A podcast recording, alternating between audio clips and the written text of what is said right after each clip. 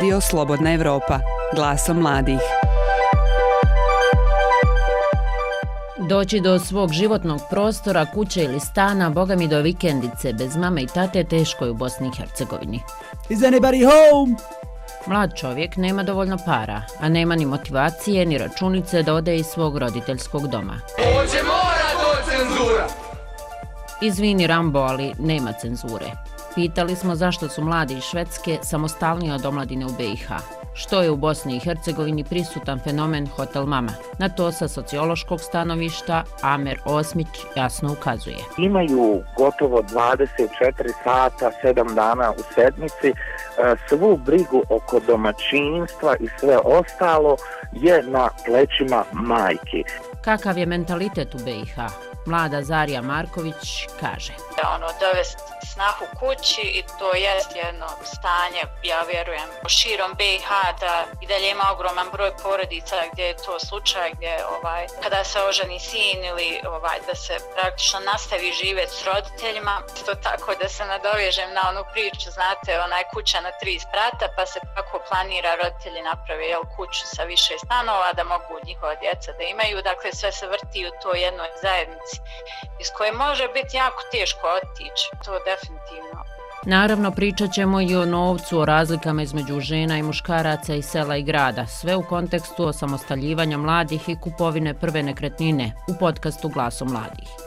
Ja sam Aida Đuguma, vi ostanite sa nama u narednih pola sata. Slušate Glaso mladih. Već četvrtu godinu Zarija Marković živi u iznajmljenom stanu i na to se odlučila tek kad je dobila stabilan posao. Magistrica je komunikologije i trenutno radi u nevladinoj organizaciji. Finansijska stabilnost dala joj je šansu da se osamostali. Ali naravno, ona i njen partner bave se mišlju da kupe vlastiti stan. Naš plan je jel, da, da steknemo nekretninu, međutim, nismo trenutno u mogućnosti jel, da podignemo stambeni kredit zbog stanja zaposlenja, zbog vrste ugovora pod kojim radimo, tako da trenutno smo kao podstanari. Nisam sigurna zapravo u skorije vrijeme ni da li će se ostvariti ta mogućnost da dignemo kredit ovdje, onda naravno znate kako to ide. Uvijek neko razmišlja da li ćemo ići vani pa možda raditi van države, praktično uštediti novac pa kupiti ovaj, pa kupiti neki stan ovdje ili možda čak i napustiti državu za stalno, tako da smo u nekim, jel, tim ranim 30-im na nekoj prekretnici gdje ne znamo praktično gdje će se naše stambeno pitanje riješiti uopšte.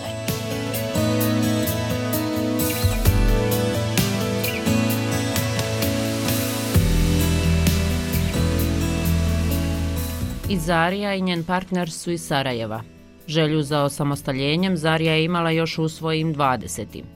Za nju je potpuno logično da mladi žive odvojeno od roditelja. To je bila prvo moja odluka, to je bilo 2019. početkom 2019. gdje sam ja sama odlučila jel, da se konačno ovim od roditelja, odnosno da imam jel, taj svoj neki prostor i mi smo već tad i započeli našu vezu, onda kako je vrijeme prolazilo, onda smo se skupa tu uselili i sad za sada smo tu u tom stanu.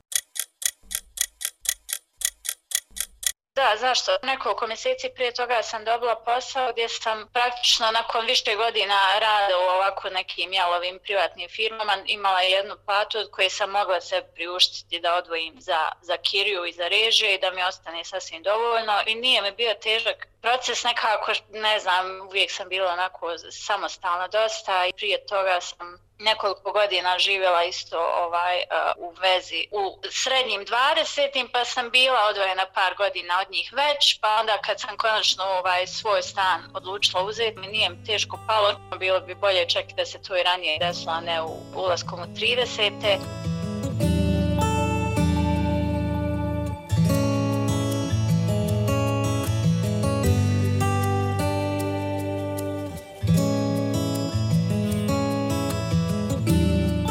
Jasno je da BH uslovi otežavaju samostaljenje mladima, mišljenje ove mlade komunikologinje. Zarija smatra da su mladi na ovim prostorima u začaranom krugu. Što se tiče omladne koja ostaje ovdje, gledajući članove moje porodice mlađe koji nemaju neko zaposlenje, jako je teško. Mislim, praktično to su ljudi već koji bi jel, na zapad možda imali kuće, stanove i porodicu, a koji su tu sa roditeljima i jer jednostavno nemaju načina da odu. Čak i ako ne rade, to je apsolutno dakle, nemoguće, jedna nemoguća stvar za uraditi, a i ako rade, ako je neki privatni sektor, ovaj, plati su opet toliko niske da se ne može praktično ostati dovoljno za život ako se pokrije cijena režija i kirije, a gledajući cijene one, one rastu zapravo svake godine, sve su veće i veće cijene za, za neke stanove koji vjerovatno i ne vrijede koji ne nude uslove za onoliku kiriju koliko se traži. Tako da nekako je to neki začarani krug iz kojeg ono, morate se čupati kako znate i umijete, praktično se zavisi do, do pojedinca ako želi da se osamostali, da, da radi na to, odnosno da zaradi dovoljno da bi mogao. E sad, onda imate to pitanje, jel, ono, ne znam, bračni partner, pa evo, ajde, recimo, pretpostavljam ovaj, da ima dosta osoba koje su sigurno i kroz ulazak u bračnu zajednicu, kojima je možda isto bilo lakše, jer su, na primjer, imali partnera koji ili ima stan, ili ga je kupio, ili... i to može biti neki faktor, ali naravno ja sam uvijek za ono da se treba ovaj, samostalno steći koliko je moguće, čisto mislim da je to važno, jel? naročito žene da, da ako i kako da mogu imati svoju samostalnost i, i financijsku i da ne zavise jel, o tom stambenom pitanju od partnera, supruga, roditelja i tako dalje, ali mislim, s obzirom kako smo društvo, to je isto tako ovaj, jedna od tih začkoljica. Mislim da je lakše, recimo, muškarcu kupiti stan nego ženi prema zaradi i mislim prema stanju na tržištu. Razmišljala sam o svojim roditeljima i o njihovim roditeljima koji su jel, tada u, u, u komunizmu maltene jel, stanove dobivali od, od firmi u kojima su radili, koliko su oni jel, imali sreću. Da tako steknu nekretnine, pa onda roditelji poslije rata sa onom privatizacijom kako je već to sve teklo. Tako da su oni jel, to svoje stambeno pitanje praktično riješili vrlo lako, dok mi danas mladi, naravno mnogi od nas nemamo priliku. Zarija Marković govorila je za podcast Glaso mladih o tome koliko je bitno da se mladi osamostale. Ukazala je i koliko je mladima u BiH teško da dođu do svoje nekretnine. Slušate podcast Glaso mladih. Prethodne epizode pronađite na slobodnaevropa.org ili na Google i Apple podcast aplikacijama. Trenutno živim sa majkom u Sarajevu. Zajedno dijelimo troškove stana i celokupne režije. Trenutno sam zaposlen također, međutim, plata nije dovoljna po mojom mišljenju da bih mogao da se osamostalim. Iako je to već odavno neka želja moja, ali moje djevojke. 23-godišnji Minja Čulić je iz Mrkonjić grada. Trenutno studira u Sarajevu. Završio je dodiplomski na Fakultetu političkih nauka i radi, ali do svog stana još nije došao. Što se tiče moje definicije pojma osamostaljivanja, to je zapravo da, da mogu sam da, da financiram svoj život i da imam svoj, svoj stambeni kapacitet gdje bih mogao da, da živim bez podrške roditelja, financijske naravno, i, i gdje bih jednostavno mogao da vodim neki dostojanstven život. To što živi s majkom ne smeta mu da se ostvari. Možda je to, kaže Minja, u nekim situacijama i prednost.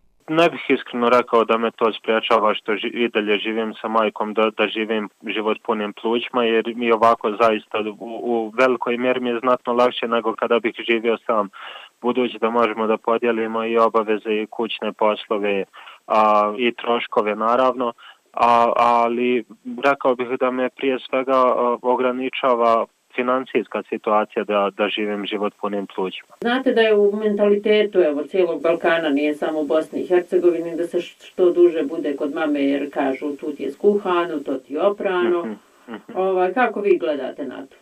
Ja to ne podržavam. Mislim da je potrebno da se čovjek što prije osamostali budući da će na taj način prije svega razumjeti više i da cijeni novac koji zaradi i da će bolje naučiti, bolje moći da se organizuje u, u pogledu rasporeda tog istog novca. A, iako je to urezano u naš mentalitet, mislim da, mislim da zavisi individualno čovjeka do čovjeka, a, jer većina mladih iako imaju mogućnost da se osamostali i da, da imaju svoj sobstveni život i da ga žive punim plućima kao što ste vi rekli, oni se prije svega opredjeljuju da kupe dobar auto, a većina mladih i dalje svaki vikend izlazi u grad i troši zaista basnoslovne sume novca jer to vide kao prioritet, jer žele da prožive što je moguće više a dok su mladi, a ne, ne da se osamostale i, i da jednostavno počnu da vode neki ozbiljan život.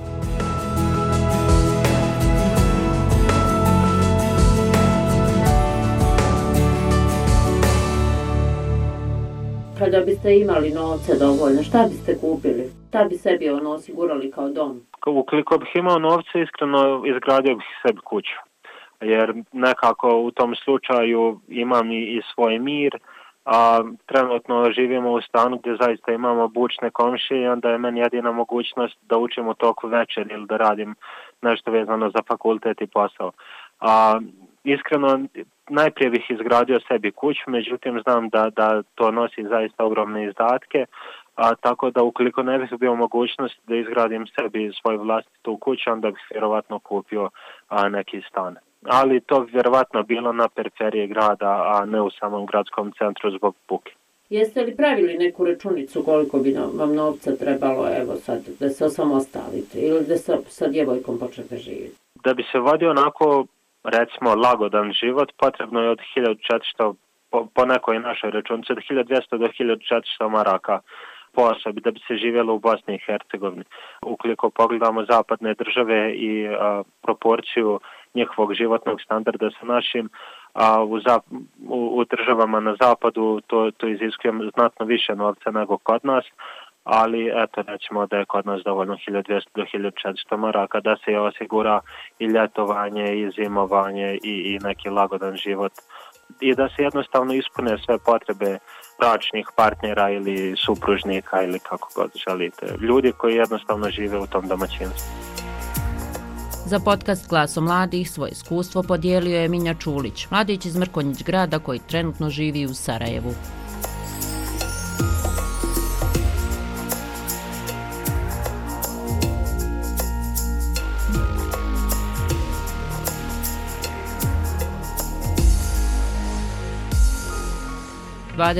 godišnji Eldin Šorlija svoj roditeljski dom u selu Jabuka u opštini Foča ne bi zamijenio ni kućom ni stanom u gradu tu je svio svoje gnjezdo. Oženio se prije tri godine i ima dvoje djece. Živimo sa roditeljima, tu se bavimo poljoprivredom, držimo stočarstvo i tako tu na selu. Pa vidim sad, za sad mi je dobro i mislim ovako u staciji kako jest, može se i zarat, može se i živit. Eto, tako što ja znam, tu smo sad, pa djeca da krenu u školu, mislim, Vratili se do 97. u fotonsku jabu, tako smo živili u nekom kolektivnom smještaju koji je bio za onu izbježne i raseljene osobe i tako napravili smo kuću 2008. Na imanje, tu imamo svoje imanje, tu živimo, držimo krave, imamo i tako, imamo nešto ovaca. Živimo fino, rade ljudi, pomažemo i mi tu smo zajedno. Fino nam je, može se i zaraditi, ne vidim nešto u gradu da je puno bolje mislim da im je teže nego nama na selu sad u ovoj situaciji. Mislim, inače u ovom periodu. Koliko vam je bitno što su vam roditelji tu? Koliko vam to pomaže? Ne samo finansijski, nego i ovako pa ja, kao podrška? Jako nam pomažu u svakom smislu. Tu su šta ti god treba i ti njima i oni tebi. Mislim, kak se kaže, sloga kuću gradi uvijek je bila.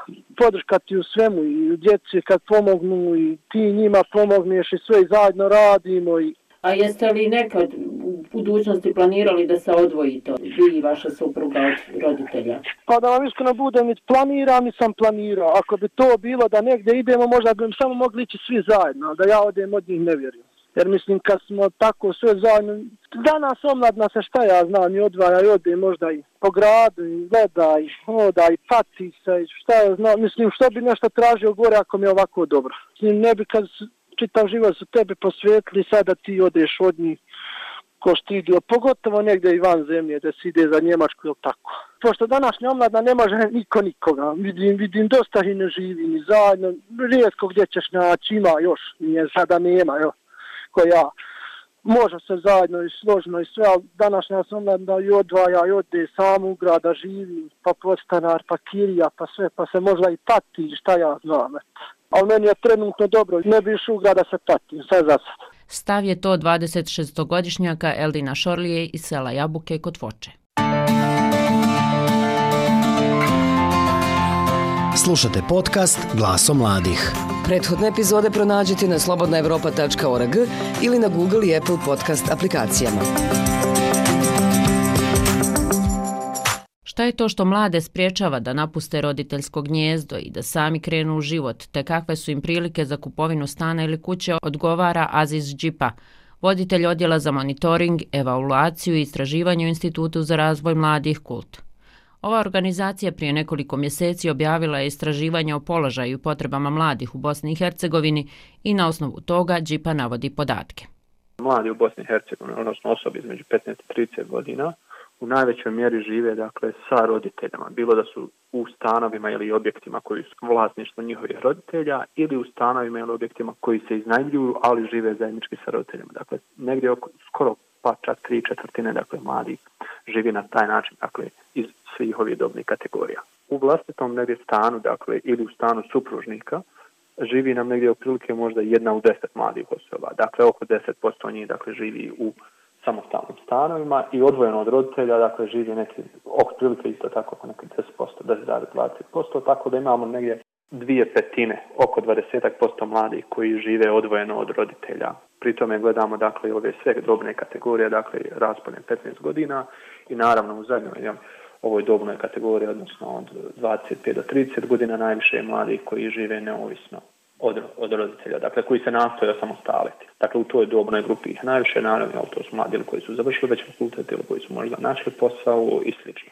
Mi na osnovu istraživanja nismo očili neki značajan trend razlika po spolu, na primjer, što je možda neko očekivao, međutim, na osnovu analitika koje smo mi radili, došli smo do podataka da su vrlo slični trendovi, dakle, da li mladi žive sa roditeljima, žive odvojeno od roditelja, žive u vlastoj nekretnini, žive u ne, na neki drugi način, dakle, uglavnom su dakle polne razlike zanemarive u smislu procenata po tom pitanju. Dakle i je, i mladi muškarci, mlade žene u skoro pa jednakim omjerima, dakle žive na, ili kod roditelja ili odvojene ili eventualno u svojim standardu. Ono što je tako jeli, logično za spomenuti jeste dakle da mladi u dobi od 15 do 19 ili od 20 do 24 godine u većoj mjeri dakle žive sa roditeljima u ovim zajedničkim proširenim dakle onaj zajednicama iz vjerovatno prostog razloga, jel, što ili nemaju ekonomsku moć da se samostali ili su još uvijek u procesu obrazovanja, bilo dakle osnovno, bilo srednjeg, pa im je možda to najpraktičniji, najjednostavniji način boravka, odnosno života.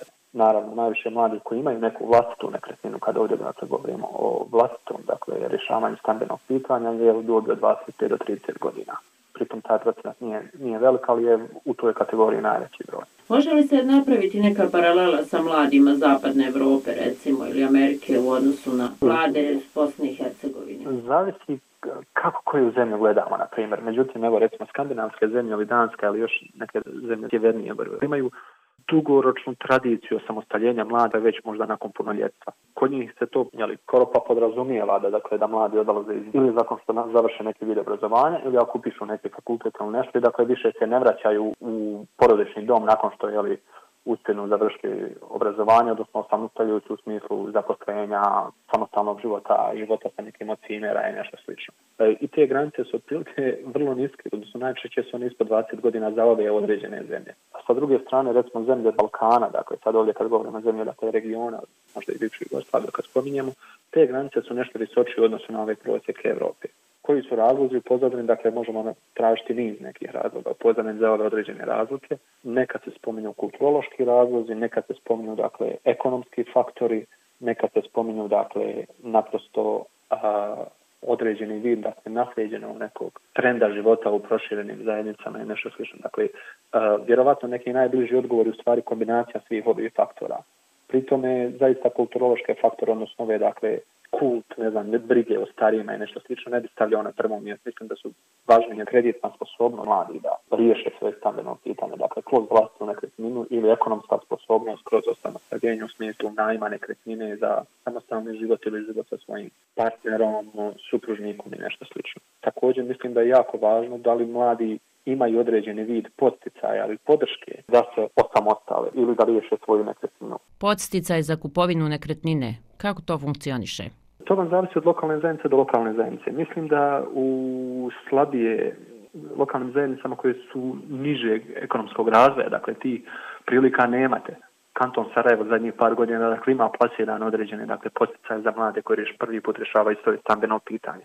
Međutim, to nije pravilo u smislu ili federacije ili Republike Srpske, dakle nije pravilo na nivou Bosne i Hercegovine, ono je više izuzetak. Također imate ili neke lokalne zajednice koje prave, na primjer, povrat uh, dijela kamatne, kamatne, kamate koja je uplaćena. Dakle, pa neke lokalne zajednice daju, na primjer, povrat 10% od kamate koje su uplatili za prethodnu godinu slično. Sve sto mjere koje mogu biti korisne mladima, dakle, kada se odlučuju za rešavanje svog stambenog pitanja. Mm. Pritom je ove mjere, nažalost, nisu pravilo, nego su izuzeti, oni se na nivou izuzetaka, dakle, u Bosni i Hercegovini lokalne zajednice pojavljuju, ali bilo bi dobro, dakle, da imamo neke široko pojasne, da je tako nazovem, dakle na višim nivoima, dakle mjere koje pokušavaju da pomognu mladima na ovom polju. Ili imate recimo kreditnu liniju koju je vlada federacije prije par godina imala sa Union bankom, što je isto tako vrlo zanimljiva mjera, dakle krediti pod posebno povoljnim uslovima koji su mogli konzumirati mladi i koji su kreditno sposobni bili u tom momentu. To je recimo bitan faktor.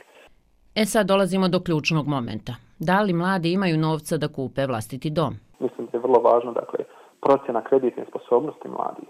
Dakle, u Bosni i Hercegovini mlade osobe, ako su uspjele se zaposliti, ako rade, pritom ako rade za primanja koja su a, na nivou takvom da mogu izdržati plaćanje određene ili rate kredita za stambenu jedinicu, vrlo je važno da li je taj ugovor koji imaju o radu, dakle, da li on na određeno, da li on na neodređeno i kakva je njegova vrsta. Dakle, sve to faktori koji utiču na kreditnu sposobnost ili nesposobnost mladih osoba. Tako da mislim da i to vrlo važan faktor jer Bosna i Hercegovina dakle ima jeli, u medijima se dakle plasira informacija koja je vrlo vjerovatno dakle i, i upozorna i tačna.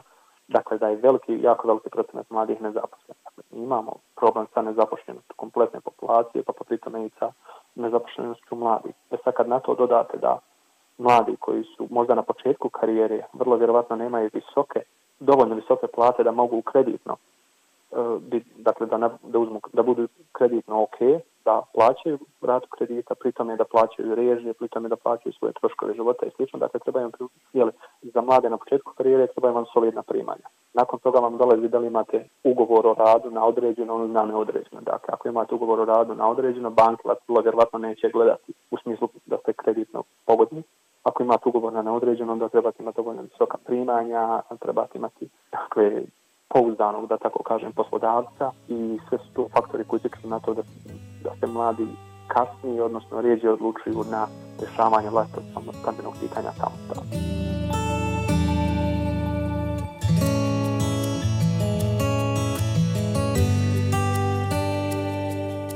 Zahvaljujemo se Azizu Džipi iz Instituta za razvoj mladih KUT, što je podijelio bitne informacije i saznanja za podcast Glaso mladih i nastavljamo razgovor sa docentom na ocijeku sociologije Fakulteta političkih nauka u Sarajevu, Amerom Osmićem. Prvo pitamo o mentalitetu koji se, možemo slobodno reći, sve ona čuvenu rečenicu. Četić nema još ni četeres koliko je i sada prisutan na Balkanu. Ono što je vrlo zanimljivo za područje jugoistočne Evrope ili područje Balkana, odnosno zemalja koje su nastale raspadom bivše Jugoslavije, jeste da mi imamo takozvani sindrom produžene mladosti. Šta znači ta produžena mladost? E, ona je sa sociološkog aspekta okarakterizirana sa mnogih faktora, odnosno karakterizirana mnogim faktorima. E, prije svega, e, naš, da kažem, naša kulturološka i, i, i kvalitetna osobina da smo eh, da želimo i eh, da smo skoro u većini slučajeva uvijek blizu roditelja zbog vlastite sigurnosti, ali i sigurnosti roditelja, pa često taj proces osamostaljivanja se zapravo i ne desi. Šta znači ne desi? Ne desi se e, ukoliko mlada osoba, recimo, e, nema potrebu da napusti vlasti dom radi školovanja, kad mislim na fakultet, dakle, e, e, e, e jer ostane da živi sa, sa, sa roditeljima. E, a a ona će se osamostaliti po našim e, pravilima kada stupi u bračni odnos. A onda taj proces ovaj osamostaljivanja zapravo odgovornosti isključivo za vlastiti život mlada osoba u Bosni i Hercegovini e, gotovo da nije, nije, nije ni imala. E, a druga stvar je ono što e, je vrlo bitno za, za, za Bosnu i Hercegovinu i ja bih to nazvao o, sa sociološkog aspekta nekako ta uh, uljuljkanost mladih ljudi u fenomenu hotela mama. Šta znači hotel mama?